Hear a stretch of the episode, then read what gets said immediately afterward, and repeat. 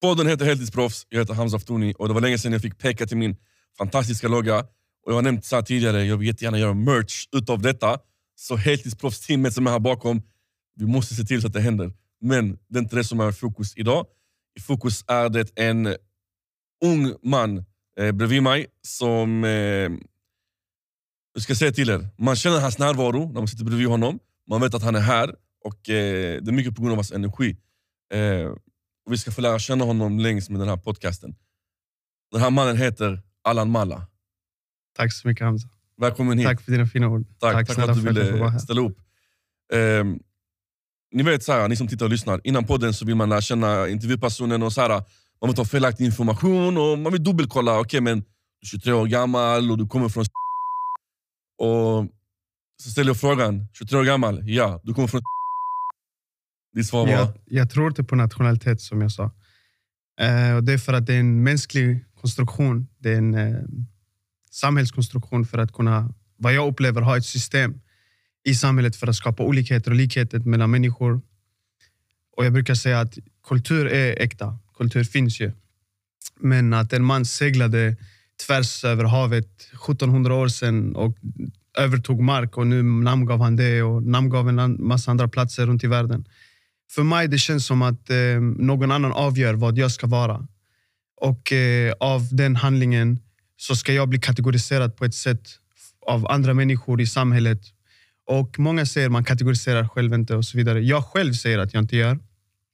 Men jag tror ändå någonstans att det finns en undermedveten, ett undermedvetet fack som man sätter människor i eh, när man hör. För att man kopplar den nationaliteten med deras kultur eller eh, tidigare historier och så vidare. Så också för att jag inte haft så mycket delaktighet i min kultur och i att vara det landet jag kommer ifrån. så jag har bara fått vara en människa, eh, a citizen of the world. Och Jag ser världen som ett stort land och eh, alla människor samma typ. Samma. Jag tror att om vi alla skulle vara döva och blinda eller stumma, vi skulle ändå hitta sätt att kommunicera. Så för mig det spelar ingen roll vilket språk du, du talar eller vart du kommer ifrån. När du, hur ofta får du ha den här diskussionen med, med folk om just detta? Minst två gånger i veckan. Accepterar folk dina tankar? Förstår de dina tankar? Först, först så är det typ så här, va? Vad säger den här killen? Vadå? Är du inte stolt över det ena och det andra? Och Då brukar jag säga, jag är inte stolt över någonting som någon annan valde för mig. Utan jag är stolt över mina handlingar som jag gör varje dag, mina aktiva val hur jag väljer att se på saker. För det är något som jag faktiskt själv har skapat, eller orsakat, eller förändrat eller utvecklat. Men att jag föddes på en plats som var namngiven av någon annan person. Hur ska jag vara stolt över det? Jag kan vara tacksam över någonting som jag har fått. Men stolt skulle jag inte riktigt säga. Så jag brukar ändå hamna i den typen av debatt.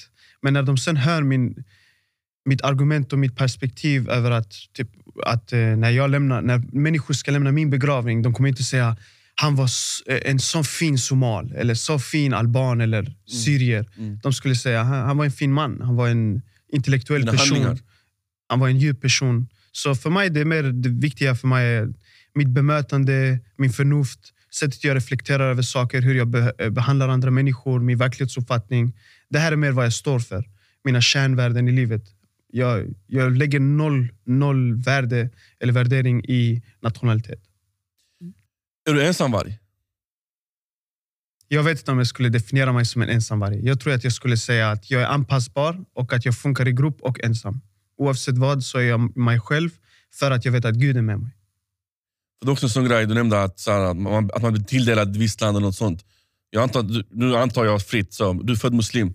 Yes, det är jag. Det, det blev du också tilldelad. Liksom. Så hur argumenterar du för det? Jag ska säga varför.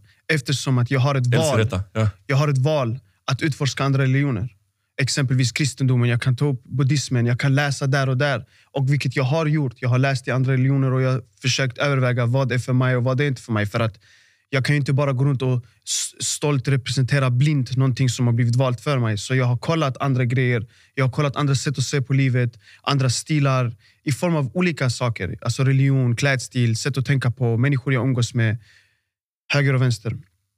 Och Jag har själv kommit till att inse att islam är för mig och jag är för islam. Jag eh, stöttar och jag lever efter de grundvärderingarna som vi har i islam. Och det sättet levnadssätt som vi har i islam. Att vara ödmjuk, att vara det ena och det andra. Så det är fortfarande ett aktivt val jag gör att vara muslim.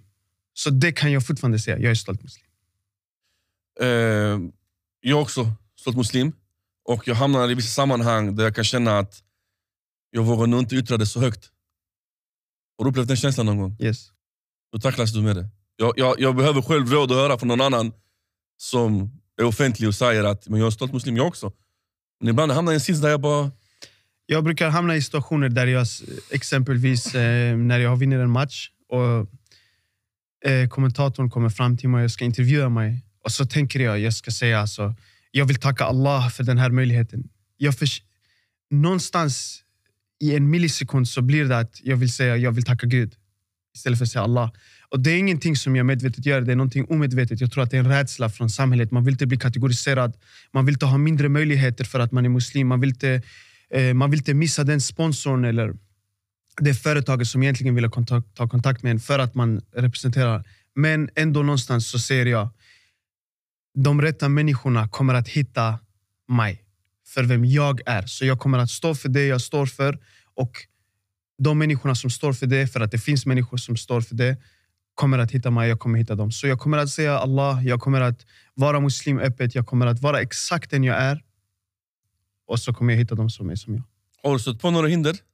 På grund av att du är så, så starkt fast vid detta?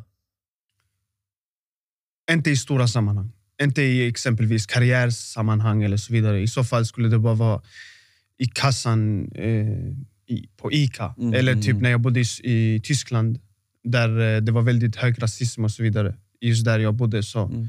I sådana sammanhang yes, men annars nej. Du ledde in mig lite kort, för att jag presenterar inte vem du är och vad du gör. Jag presenterar som individ och du ledde in på när du vinner matcher. Eh, och Det du gör, förhoppningsvis på heltid, är boxning. Yes. Varför blev det just boxning? Ja, alltså det är mycket svårt för mig. Många säger eh, jag valde inte boxningen, boxningen valde mig och så vidare. Och, eh, eller fotboll eller konst, vad det än är. Och jag har lite svårt att säga det, fastän jag sa det en gång i en intervju så känner jag att det inte var sanningen. Det var bara någonting jag sa för att det låter så coolt. Men jag vet själv inte varför jag drog så mycket till det. Jag tror att det kan ha med undermedvetna tankar och känslor att göra. Att jag har varit väldigt våldsam som barn i form av att jag har bråkat väldigt mycket. Det kan också göra med att olika människor uttrycker sina känslor på olika- sätt. Vissa gör det via musik, vissa gör det via dans, vissa gör det via extrema fysiska rörelser. Och Jag tror att mitt sätt att uttrycka mina känslor och min konst och, och vem jag är som människa, människa det är genom att sporta, eh, men även mer specifikt boxas. Och eh, det, det går längre bak också. Det var att jag var deprimerad. Deprimerad är ett väldigt starkt ord. Jag tror att jag var lätt deprimerad som yngre. Eh, Jag var i ett förhållande på den tiden också. Och eh, Vilka, hur gammal var? När snackar vi? Hur gammal var du? 2015, så jag var 17 år gammal när jag började boxas. Mm. Och eh, ja, men Jag gjorde slut med den tjejen som jag var tillsammans med på den tiden, som då var the love of my life. Och eh, jag, jag trivdes inte i min hemmamiljö, jag trivdes inte i min inre miljö, jag trivdes inte i miljön runt omkring mig i Rosengård. Jag trivdes ingenstans. Så jag kom till att inse att livet börjar inifrån. Och din inre miljö kommer att reflektera din yttre miljö. Så jag kommer att behöva göra en jävla resa. Jag kommer att behöva göra um, en förändring i mitt liv för att må bättre vart jag än är. Vem jag än är med. Hur jag än hamnar i sammanhang. Så jag började gå ner i vikt.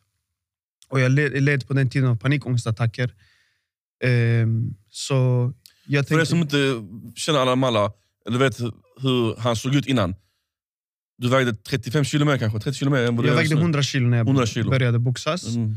Och nu boxas jag i 63,5 och 67 kilos Mm. klassen. Så man kan säga att det är mellan 35 till 38 kilo som jag, Mm. eller 37 kilo som jag gått ner på sin höjd. Så ni får perspektiv. liksom. Mm. Mm. Så ja, jag började boxas som eh, överviktig och jag som på den tiden bara var 1,67 centimeter lång, väger 100 kilo, 101 kilo, hade fetmagrad 1, eh, lätt deprimerad och eh, växer upp i ett område där eh, i majoriteten av fall grabbar i min ålder och i min omgivning då blir kriminella eller dör eller eh, liksom bara försvinner. Och, så för mig jag kände att jag vill inte göra något av det utan jag vill förändra miljön runt omkring mig. Jag vill förändra miljön inom, inom mig. Så jag började sporta och den första sporten som jag då drogs till det var boxningen. Det är också den första sporten jag någonsin har sportat, någonsin, alltså, tränat och så vidare. Jag har aldrig varit gymkillen, jag har aldrig varit den killen som är ute och springer eller tränar. Jag skippade alla idrottslektioner. Jag har ingen koppling till träning. Men sen boxning, jag fastnade, gick ner 30 kilo. Jag har gått matcher under tiden, vunnit väldigt många matcher. Så det är det. Det är lite mer. Innan jag tappar tråden, för jag vill fråga dig vad höll fast dig i boxningen. Men kom ihåg den frågan, påminn mig sen. Eh, du berörde depressionen, eh, panikångestattackerna. Jag, jag vet inte om jag missförstod dig, men var det på grund av att du gjorde slut med din tjej som de, de hände? Eller har du nu på senare tid förstått att det kanske är något annat som låg bakom? Det, nej, jag hade panikångestattacker långt innan vi ens gjorde slut. Mm. Eh, och Jag tror att det, det är en eh, undermedvetet, ett, ett undermedvetet trauma som jag tidigare har haft. Eh, då jag växte upp utan mina föräldrar.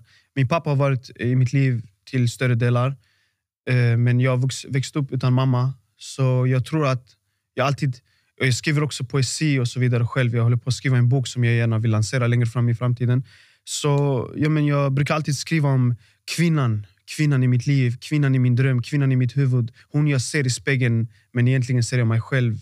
Uh, is it a she or is it me? Jag brukar skriva mycket så. så jag, jag har kommit fram till att jag tror att det, det är lite ett trauma från, från morsan och kanske att, uh, att jag växte upp som jag gjorde. Där jag har bytt miljö konstant. Flyttat från hem till hem, skolor till skolor. Uh, bott i föräldrarhem, jourhem, kvinnohem och eh, själv varit hemlös och haft det väldigt tufft. Så jag tror att det skapar splitter i en person. Och Det har skapat splitter inom mig. Så jag har konstant fått vara på en resa där jag ska läka och hila. Eh, så jag tror att det har varit mina panikångestattacker. Och den panikångestattacken var någonting som gick kanske från tre, fyra gånger i veckan på den tiden som jag nu har en gång i månaden. Och, och när den kommer, jag tacklar den som om det vore socker. För att jag är så van med den, jag har lärt känna den. Jag lär känna mig själv. Um, och, det som, och det med att vi gjorde slut hade noll koppling till depressionen. Utan Det var faktiskt det som satte mig fri och gav mig all motivation och driv i världen att jobba mycket hårdare för att bevisa att det var inte det, den relationen som gav mig ett värde. Man blir nyfiken att veta om, om bakgrunden med, med dina föräldrar. Yes. Är det något du vill beröra? Eller vi, vi kan skippa? prata, absolut. Så, eh, ja, men jag, jag är född i Danmark, mm. född i Nästved, växte upp i Köpenhamn på Österbro och Nörrebro. Och, eh, mina föräldrar var mycket så här fram och tillbaka. Och av vad jag lärde känna som yngre, det var att min mamma då var schizofren. Eh, jag vet inte om hon var starkt eh, påverkad av schizofreni eller om det var någon annan typ av psykisk sjukdom. Eh, men eh, jag märkte att det var mycket bipolära drag och mycket så här personlighetsskift ehm, i, i lägenheten, i hemmet. Och ehm, egentligen vi var kanske bara en fin familj som försökte thrive. Och vi hade det rätt så bra som, som barn. Eh, pappa ägde en restaurang. Jag min bror gick i en uh, grym så här, privatskola. Bodde fem minuter från allting mitt i centrala Köpenhamn. Och sen eh, man, man kommer till att inse att eh, det, skogen är fin från utsidan men när du kommer in i djungeln det är massa djur som försöker döda dig. Och eh, Det är samma sak med ett fint hem upplever jag. Från utsidan så kan det se väldigt fint och glamoröst ut men när du kommer in du ser att det ruttnar för varje dag som går. Så, det var lite så som hände i min situation. Så min mamma rymde av vad jag nu idag förstår. Mamma rymde, tog oss med, och, med henne och eh, vi bodde på kvinnohem. Pappa var någon form av eh, eh, abusive, vilket jag idag upplever att han inte var. Eh, så jag tror att vi blev hjärntvättade väldigt mycket av mammas familj. Och sen pappa var så oskyldig samtidigt som han kanske inte var det. Um, kort och gott, jag har inte växt upp med min mamma. Bodde med min pappa tills jag var 15-16. Flyttade ut hemifrån. Jag taggade. Jag ville flytta till Stockholm och starta min egna resa. Uh, så jag har mer eller mindre fått uppfostra mig själv med hjälp av de verktygen som mina föräldrar har gett mig. Har du träffat din mamma på sistone? Har du... Jag har inte träffat min mamma på 13 år. Så, och Det är inte att jag inte har träffat henne, utan jag vet inte var hon är. Inte hört, ingenting. Det, gick, det var nästan nio år av mitt liv vart jag inte ens visste om hon levde. Jag trodde att hon var död. Eller, och, jag, och För att vara ärlig, jag skulle må bättre av att veta att hon i så fall är död och vilar i frid än att veta om hon ens lever. Och veta om jag ska göra den sökningen på henne eller inte. Men nu vet jag att hon lever. Hur fick du reda på det? Eh, genom släktingar. Så ordet hade gått lite runt. Så vilka känslor väcker det inom dig? Är det känslan av att jag vill hitta henne och träffa henne? Eller okej, jag vet om att hon mår bra. Kallas. Jag behöver inte veta mer. Jag vet inte om hon mår bra och jag skulle gärna vilja veta mer. Eh, samtidigt så tror jag... Jag tror att det är en blandning mellan både och. Typ, ja, I'm doing fine now. Förstår du? Och me doing fine är för att jag har jobbat hårt. Det är för att jag har skapat den personen jag är idag. Jag vill inte gå tillbaka i mitt förflutna och väcka gamla historier som kanske får mig att fallera. I så fall är det någonting som jag vill ta itu med successivt. Ehm, men jag vet inte riktigt. hur Med andra ord, du är inte redo just nu. jag tror inte jag skulle vara redo just nu. Och jag tror inte egentligen att jag vill heller. Alltså jag, jag, det är inte, på något konstigt sätt så intresserar det inte mig så mycket. Du- Du är förlåten, men du hade din tid. Utan, och det, tänk dig, det är en mamma man pratar om. Men efter allt, och det är också lite det här som jag brukar prata så här, Nationalitet, jag har min åsikt om det. Jag har också mina åsikter om familj. Familj, det är a crappy word. Jag, jag skiter i det ordet. Bror, syster, det där är en handling. Jag har vänner som är mycket mer bror till mig än vad min riktiga bror har varit. Och han är en bra människa, men jag pratar nu bara om rena handlingar gentemot mig. Mm. Så eh, ja, men det är samma sak där. Eh, min pappas fru var kanske mer närvarande i mitt liv på ett positivt sätt än vad min mamma var. För mig spelar det ingen roll biologiskt eller blodmässigt vad, vart du står. Utan det är dina handlingar som definierar vår relation. Eh, och istället försöker jag se människor för människor. Jag, jag ser inte på, på dig som en vän, kompis, bror eller någonting. Jag bara ser Hamza. För att den bror kan försvinna imorgon när du gör mig ont. Och den fiende kan också försvinna imorgon när du gör mig gott. Så det, det, är, så, det är så flytande. Så jag ser bara människan för vad den är för var dag som går. Istället för att sätta en titel på personen och sen bli besviken för att jag har förväntningar gentemot den titeln. Och det blir bara strul. Varje dag... Du, nytt blad. nytt blad. Varje dag, som din telefon, du måste ladda den. Som eh, en research, du måste börja om från början. En person, varje dag, vi, vi börjar på marken. Och det du bygger upp till taket är det som definierar dig idag. Den här djupheten som du har. Jag vill snacka om din boxning. Vi kommer snacka om det snart. Den här djupheten som du har. Jag tror det kommer från att vara extremt sökande i livet och att vara ensam. och även om jag, liksom, de, de säger being alone and being lonely is two different things. Och det är så. Jag har varit runt om väldigt många människor och eh, mycket handskakningar och många människor som vill ta en runt axeln och man hänger och så vidare. Men jag har alltid känt mig ensam i nästan, i alla fall nästan alla grupper eller sammanhang jag har varit med. Och det är för att jag kanske känner mig så annorlunda. Jag känner mig så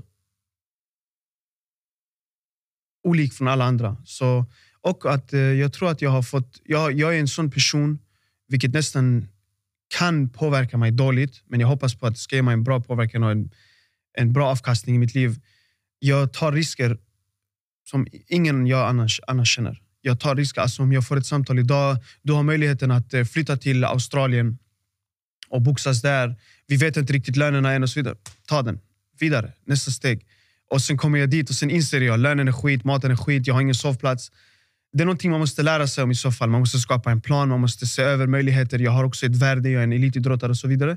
Samtidigt jag vet att jag, jag kan dö imorgon. Jag kan dö mitt i denna intervjun och då vill jag ta vara på varje sekund av stunden och göra det mesta av det och jag vill leva. Så enda sättet för mig att leva är att upptäcka. Att, att, att söka mig, att, att se nya saker, få nya perspektiv, uppleva nya för ögat, för hjärnan, för hjärtat, för själen. Så jag tror det är därifrån den djupheten kommer. Att jag är splittrig och att jag är sökande. Och på något sätt, trots allt detta, så var det boxningen som fångade ditt hjärta. Boxningen fångar mitt hjärta. Boxningen fångar mitt hjärta i form av fysisk aktivitet och eh, vardaglig, vardaglig sysselsättning. Och för att jag nu har lagt ett mål och jag är den mest envisa människan på ett positivt sätt. Mest envisa människan jag känner att om jag sätter ett mål, det måste bli oavsett hur förutsättningarna och omständigheterna ser ut. Jag måste göra det till min verklighet. Den drömmen jag har, den visionen jag har måste bli till min vardag. Punkt slut. Så för mig, boxning, det är inte längre en dröm, det är ett mål. Jag kan röra på den, jag ser det, jag ser att jag är duktig på det, jag ser att jag är talangfull men också att jag jobbar extremt hårt och att jag, jag kan bli någonting som vi kallar ett hushållsnamn eh, av- utav många anledningar. Så, men, är? men, men, men det är inte boxningen som fångar min själ, utan det är konst i överlag. Det är att kunna uttrycka mina känslor, det är att kunna skapa en förändring, det är att kunna klottra en vägg, kanske bygga en möbel, få ett litet barn att le, skriva en dikt som kanske berör två eller tre hjärtan. Det är att kunna röra mig, det är att kunna vara fri. Det är min konst. Det är detta som ehm, berör min själ och fångar mitt hjärta, som du säger. Så hushållsnamn av olika anledningar. Hushållsnamn av många olika anledningar. Som till exempel, det, det, jag har hört uttrycket hushållsnamn innan, liksom så. men för de som kanske inte har. Vad är det som krävs? Liksom? Vad, Min definition av vad alltså mitt, min typ av hushållsnamn, den personen jag vill vara, det är att en familj på helt olika åldrar, helt olika nationaliteter och kulturer ska kunna sitta och ha en konversation om mig. Så tjejen som är sju år gammal, eh, sonen som är 16, pappan som är 43 och mamman som är 37. Alla de ska ha en gemensam konversation om mig och prata om någonting som kan vara liksom gemensamt för dem, intressant för alla på sa- samma gång. Eh, istället för att bara kategorisera mig, exempelvis vi har Floyd Mayweather. If you talk Mayweather, you talk money. Exempelvis. Så det blir ett sånt sammanhang. Det är kanske materialistiskt. Eh, men om vi pratar om Muhammad Ali, då skulle vi prata om så brett ämne. Om vi skulle prata om Bruce Lee så skulle vi prata om... Så för mig, jag vill kunna vara den personen som kan, som kan en- engagera mig i alla sammanhang. Politiskt, konst, dans, eh, kläder, välgörenhet, poesi eller boxning. Jag vill, kunna, jag vill kunna se en hel familj ha en konversation om mig. när började du ta konstformen boxning på allvar? Första mars 2015, den dagen jag började. Ta oss igenom den. Ja, men eh, det var som jag sa tidigare. Jag, eller vad vill du jag ska ta med dig? Fighten. Min första fight? Yes. Förlåt, jag trodde du sa första gången jag tog det seriöst. Ja, så sa du att det var fighten 2015, eller hur? Eh, nej, jag började boxas 2015. Mm. Första mars 2015. Min första match var någon gång, jag tror runt november samma år. Så första mars. Du sa första match. Nej, nej, nej. Ja, ja, okej, men vi kan ta det då. Första, första mars, och så kör vi framåt. Okej, ja, men jag började boxas första mars 2015. Då vägde jag 100 kilo. Och eh, så hade jag ungefär åtta månaders tid eh, ish, att eh, gå ner 19 kilo och boxas i 81 kilos klassen då i ACBC Angered Boxning eh, Cup. Eh, och det var i Göteborg. Så vi stack dit. Jag mötte första matchen. Första och andra matchen var mot Norge. Båda matcherna. Det är en så här stor internationell turnering. Och eh, jag insåg där och då att jag, jag, jag exponeras väldigt snabbt för, för stunden. Jag, jag tar in den, jag smälter den, jag förstår. Jag är väldigt duktig med rörelser. Jag förstår också att om jag gör så här så kommer han reagera där, så kan jag slå. Och Det var någonting som redan var så uppenbart för mig vid så tidig fas i min karriär. Så jag insåg att jag kanske har någonting. Så november eh, var över, vi kom hem från turneringen. Och Hur gick sen, eh, jag tog silver. Mm. Jag vann min första match och förlorade finalen. Och Det var min första förlust då. Och Sen eh, förlorade jag inte på två år ungefär. Så jag gick, jag gick ner till 75 kilo.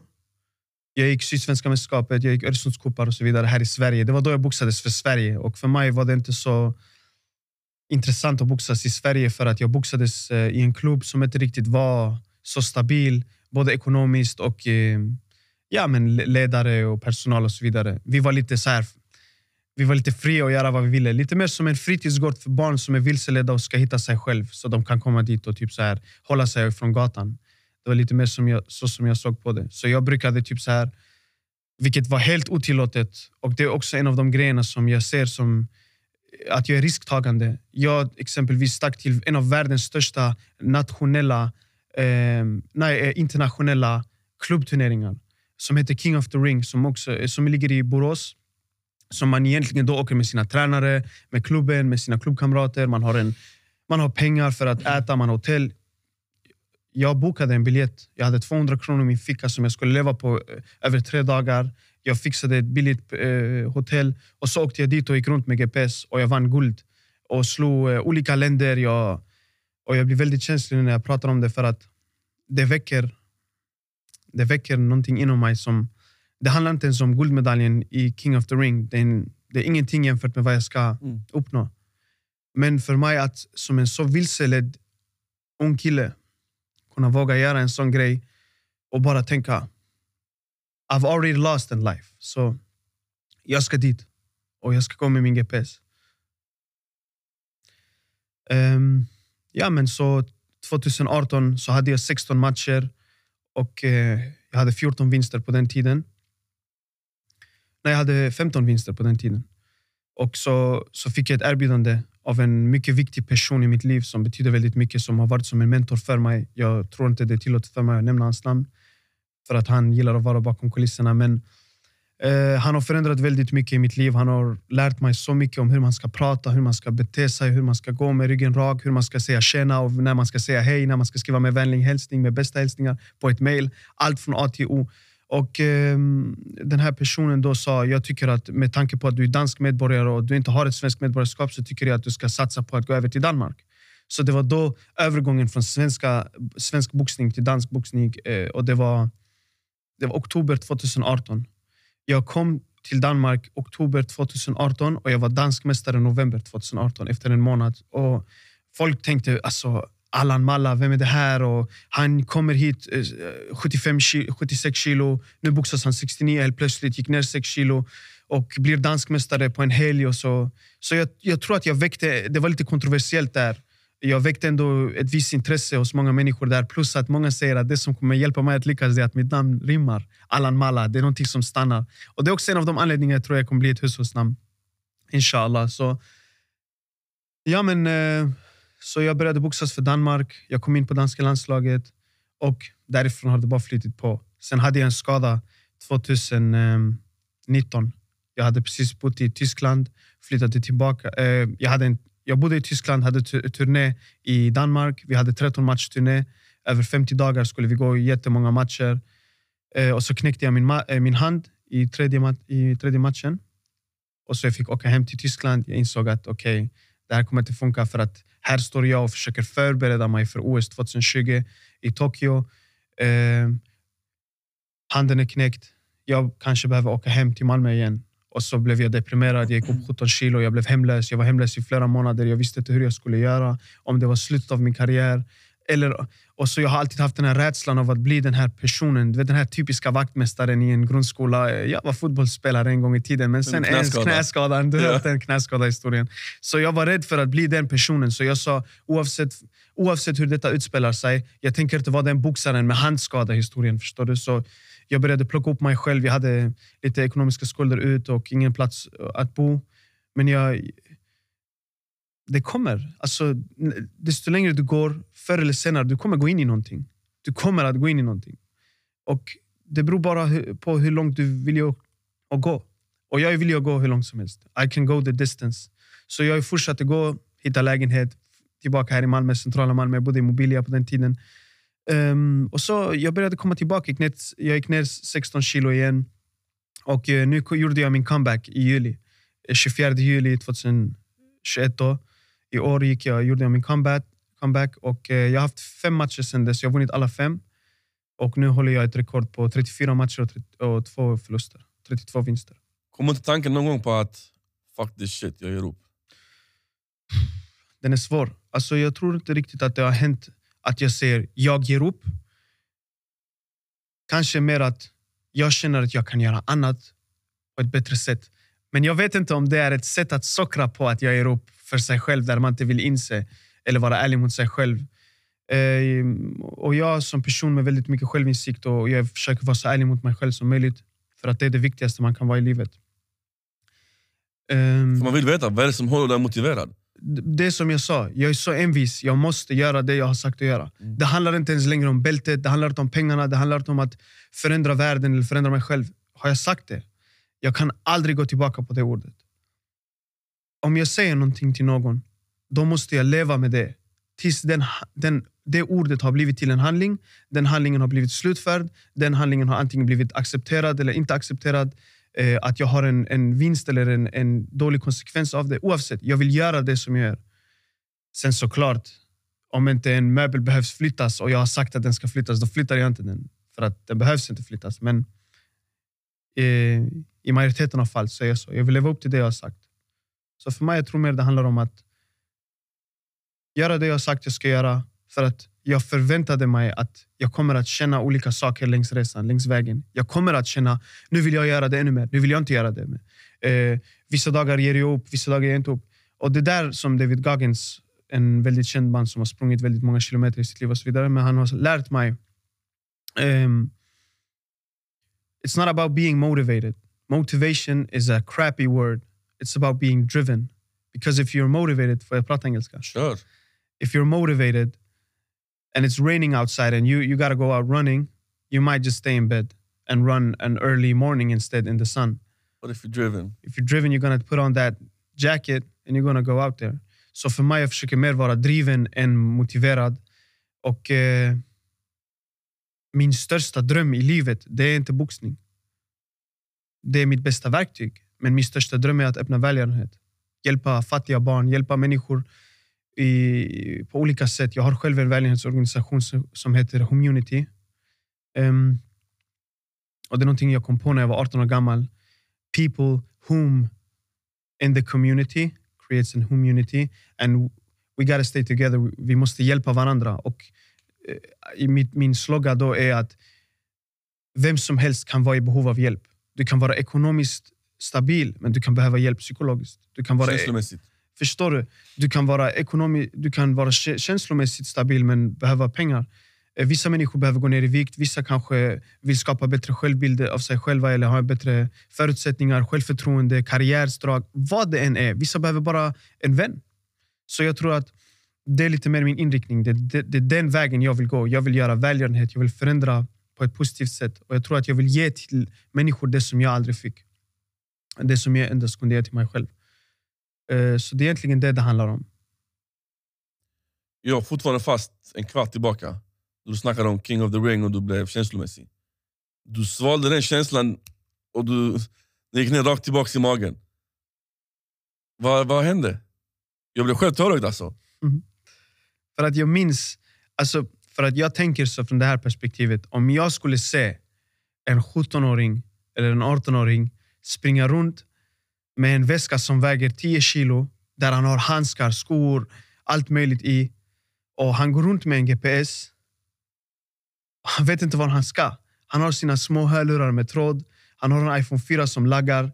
Och den dör 14 gånger bara på väg till invägningen klockan sju på morgonen. Och Han har 14 spänn i fickan som han ska äta bullar med smör efter invägningen. För mig, om jag hade sett den killen, och det är där välgörenhetsgrejen kommer in. Jag kommer att vilja hjälpa honom. Jag kommer bära honom med hans väska och visa honom vägen. Och stötta honom allt jag kan. Så för mig, när jag tänker på det själv så, så ser jag det från ett tredje pers eh, persons perspektiv. Typ så, här uppifrån. Fattar du? Så därför blir jag lite känslig. Och Det handlar inte om King of the Ring, det handlar inte om GPSen. Det handlar om personen. Det var bara en a lost kid trying to find himself. Känner du dig sedd idag? Hörd? Mm, bra fråga. Jag känner mig sedd i form av att ja, men, sociala medier, det är väldigt många som skriver. Eh, många människor som frågar om råd, många människor som hyllar en på exempelvis eh, DMs eller, eller i, i verkligheten. Folk som kommer fram på stan och vill ta bilder eller, och, eller bara vill ge dig en komplimang för att du har gjort en positiv förändring.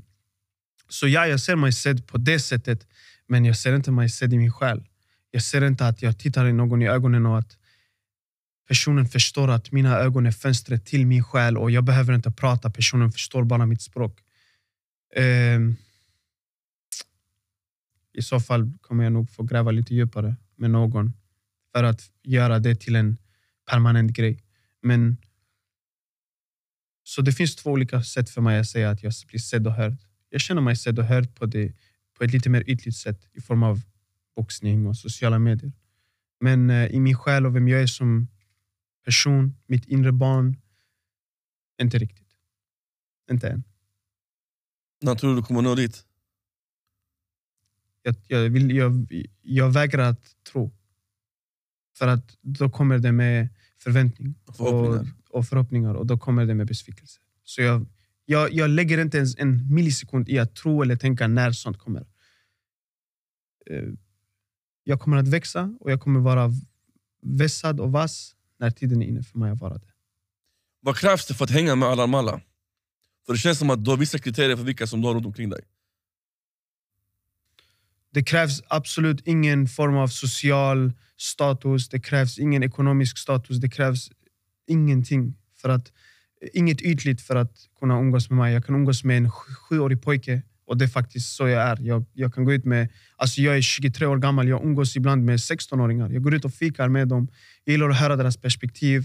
Jag gillar att, jag gillar att jämföra hur jag var som 16-åring och hur de är idag. Hur generationen förändras, hur tankesättet och mentaliteten förändras. Eh, baserat på hur, hur sociala medier och, och, appar börjar skapas. Och det är väldigt nya trender nu idag. Eh, men jag kan också umgås med 49-åringar, vilket jag också gör när jag sen är i Stockholm och jag träffar mina goda vänner på, på Nytorget. Umaima, shoutout Umaima. Exakt, shoutout Umaima och Indio. Eh, men nej, så... Ålder, det är också en konstruktion. Tid är en konstruktion. En man 1600-1700 år sedan var ute och vandrade upptäckte tolv stenar, solen, skuggan. Klockan är så här mycket, nu har vi tid. Du är född det här året, jag är född det här året. Absolut, tid är begränsad, tid finns för mig. Och eh, Vi åldras, vi dör. Men i form av att låta eh, tid eller ålder definiera någon. Absolut inte. Jag känner 15-åringar som är mycket mognare än 25-åringar. Jag känner 40-åringar som är mognare än 80-åringar. 40-åringar som är omognare än 20-åringar. Jag själv försöker vara så ansvarstagande, mogen och eh, ja, men förnuftig man som jag kan. Och Jag upplever ofta att många människor säger att jag har varit och är väldigt ung för min ålder som jag har varit och är idag. Eh, så, så ja, även där, ålder det har ingenting med det att göra. Men jag umgås inte med människor som är negativa. Jag umgås inte med människor som begränsar sina... Man måste vara öppensinnad, man måste vara positiv. Man måste förstå att det här är negativt, men det är positivt för mig att uppleva så att jag kan vara tacksam när det inte finns längre. Och det, negativitet existerar, positivitet existerar. Och Jag tycker att man ska ha båda i sitt liv. Man måste bara veta när man ska använda dem och hur man ska se på de sakerna. Um, så om inte jag exempelvis fick, fick umgås med mig själv i ett helt år och känna att jag inte har vänner, eh, och då kanske inte jag hade kunnat sitta här och prata som jag gör och ha en historia att berätta för dig. Så, så det är positivt i, i form av att det har byggt vem jag är. Så absolut, du, du behöver inga, jag har inga kriterier på det sättet. Bara dra inte ner mig till ditt svarta hål. Låt mig istället dra upp dig till mitt, mitt ljusa berg. Förstår du? Så det är lite så jag tänker. Hur många är det som har velat dra ner dig då? I det här svarta hålet? Jag vet inte. För att I don't pay attention to it. Jag, jag lägger inte ens energi på det. Jag kanske ser det i en millisekund, förstår det, backar och sen är det vidare. Men det är ingenting jag på det sättet typ så här, jag letar. Okej, okay, han och si och den hatar det och den är så mot mig och den sa det. Såg du den blicken han gjorde? Jag är inte så, jag är inte så uppmärksam. Jag är mer uppmärksam på att jag är här, jag dricker en kaffe, jag mår bra. Är det tre människor och eh, jag observerar deras energi. Jag observerar hur de, hur de pratar om, med mig. Och hur de tittar på andra människor, kanske hur de säger vissa små kommentarer om sig själva. Då jag får en, jag får en insikt. Och därifrån jag bestämmer bara. Ja, men, antingen den här personen behöver mig, eller jag behöver den. Eller vi behöver varandra för att komplettera varandra. Men många säger exempelvis att Malmö är en hatfull stad. Folk vill inte se dig lyckas. Folk vill, se dig, dra, folk vill dra ner dig i Malmö. Eh, det är inte som Stockholm och så vidare. Jag håller inte med. Jag håller faktiskt inte med.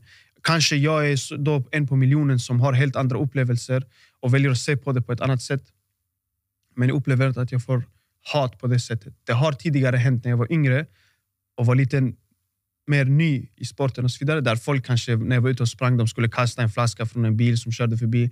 Eller något dumt så här. Eller få ett eh, anonymt brev i min brevlåda om vem jag är eller vad någon ska göra mot mig. Men inte riktigt att eh, jag upplever att det är hatfull stad. Jag känner att jag får mycket kärlek i Malmö. Jag får mycket respekt och det är mycket gemenskap här. Jag tycker att vi alla borde hålla om varandra och, och lyckas tillsammans istället. 23 år gammal, det känns som att du, du har en vision, en plan som du rör dig mot. När du är 30 år, inshallah om du lever tills dess. Vad har du åstadkommit och vem är du då? Det är svårt att säga. Det är svårt att predika. Det är svårt att veta. Imorgon jag, går, jag kan gå ut härifrån och... Ingenting garanterat. Vi vet, vi vet. Ingen aning. Mina mål dock är... Mm. Jag, jag gillar inte att säga jag har gjort det till den tiden, för att då tar jag bara tiden för givet. Jag tar mm. Gud för givet, jag tar mig själv för givet. Och jag hoppas, och jag ska göra allt jag kan i min makt. Jag ska jobba åtta timmar om dagen i, i, i lokalen. Jag ska träna allt jag kan i lokalen för att göra det här möjligt. Eh, vad jag hoppas på att ha uppnått redan vid 27-årsåldern, 28-årsåldern, det att ha varit med i OS 2024 i, i Paris. Eh, gjort stor förändring för många människor här i Malmö, eh, runt i Sverige, förhoppningsvis andra människor runt om världen också. Kanske kunna starta någon, någon form av eh, boxnings... Eh, facilitet mm. här i Malmö där, eh, där, där olika sporter kan mötas. Istället för att man ska känna att jag behöver åka till Stockholm för att uppnå mina drömmar som um, artist eller något. Så har jag alltid haft en vision, exempelvis om du har hört talas om Malmö New Wave. Såklart, eh, shoutout Aden, Guled, Ozzy. Förstår du? Eh, Ali Taleb, Alan Malla, eh, Mustafa Al-Mashadani. Det finns Shara många namn, Ili Latifi. Det är många namn, så här, många människor som har kommit från Malmö som är på väg upp. Jag känner att vi tillsammans borde skapa en trend av att det är att vara, det, vi är coola här. Eh, vi är coola av att våga vara vem vi är och jaga våra drömmar. Så jag tycker att det är också någonting jag vill ha kunnat eh, åstadkomma. Och nu till de lite mer detaljerade grejerna, lite mer det jag på riktigt strävar efter. Och Det är att vara världs, världsmästare i boxning. Jag vill kunna hålla eh, tre, fyra bälten. Eh, förhoppningsvis vara unified, obesegrad. Någonstans vill jag, känner jag att jag vill bo utomlands. Kanske bo i USA, träna eh, på ett stabilt gym eh, med, med, med världstoppsatleter och så vidare. Um, och att min välgörenhet rullar. rullar. Jag har ett företag som heter Ät rätt. Eh, så jag tänker också att där vi säljer hälsokost och matlådor och så vidare. Så jag tänker att det skulle vara roligt om jag hade kunnat äga några restauranger runt i Sverige. Som Babas Burger, fast nyttigt. Vad hade du gjort om du inte hade boxats? Det är svårt att titta in i alternativa verkligheter. Men eh, jag tror att jag... Om jag hade fortsatt på det spåret som jag var eh, inne på som yngre med hjälp av min envishet och hur mycket jag vill vara bäst på det jag gör så tror jag att jag hade varit död idag. Jag tror jag hade lagt eh, här i Rosengård, begravd. Precis som nästan 30 av mina vänner gör. Um, men om jag hade fått den insikten som jag, ha, som jag fick, men inte valt boxning, så tror jag ändå jag hade hållit på med konst i överlag. Jag tror jag hade varit skådespelare, eller någonting, vilket jag så småningom också kommer att bli. Jaså? Ja, 100 procent. Det är en av mina stora mål. Jag vill jättegärna skådespela. Jag står alltid där och lagar mat och så är jag med i en film när jag är hemma och debatterar med mig själv och jag pratar högt och jag, jag, jag dansar och jag, jag, jag tillåter mig själv att vara allt jag hade kunnat se på en skärm. Och eh, Det är också något som jag tar med mig in i boxningen. Och Det är det som tillåter mig att...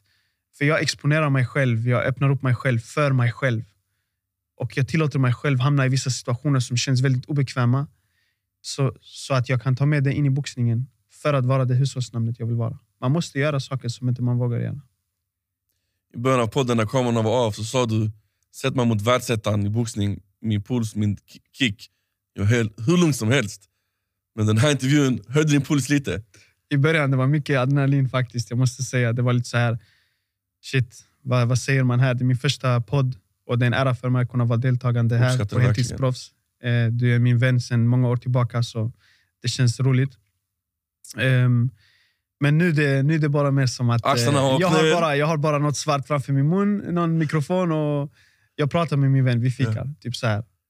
Jag tänkte, det här är nog en av de längre poddarna vi har gjort.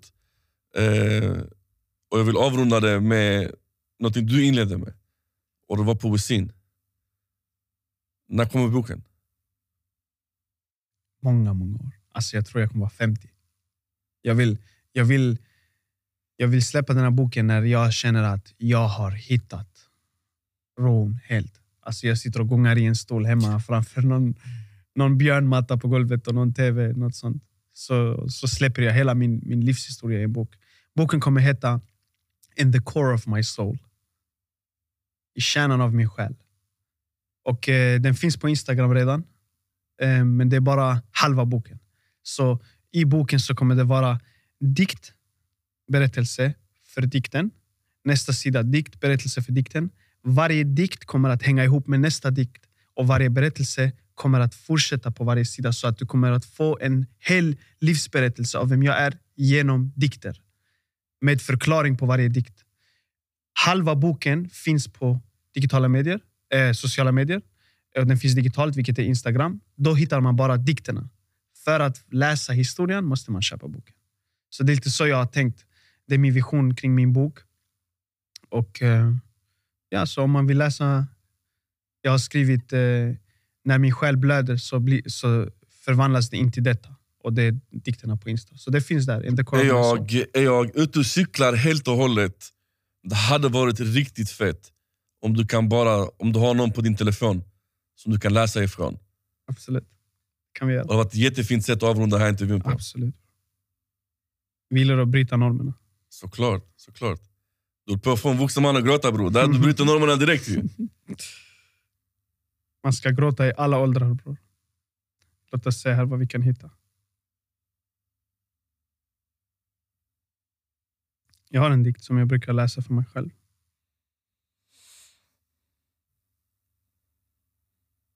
Okej, okay, kör. Mm.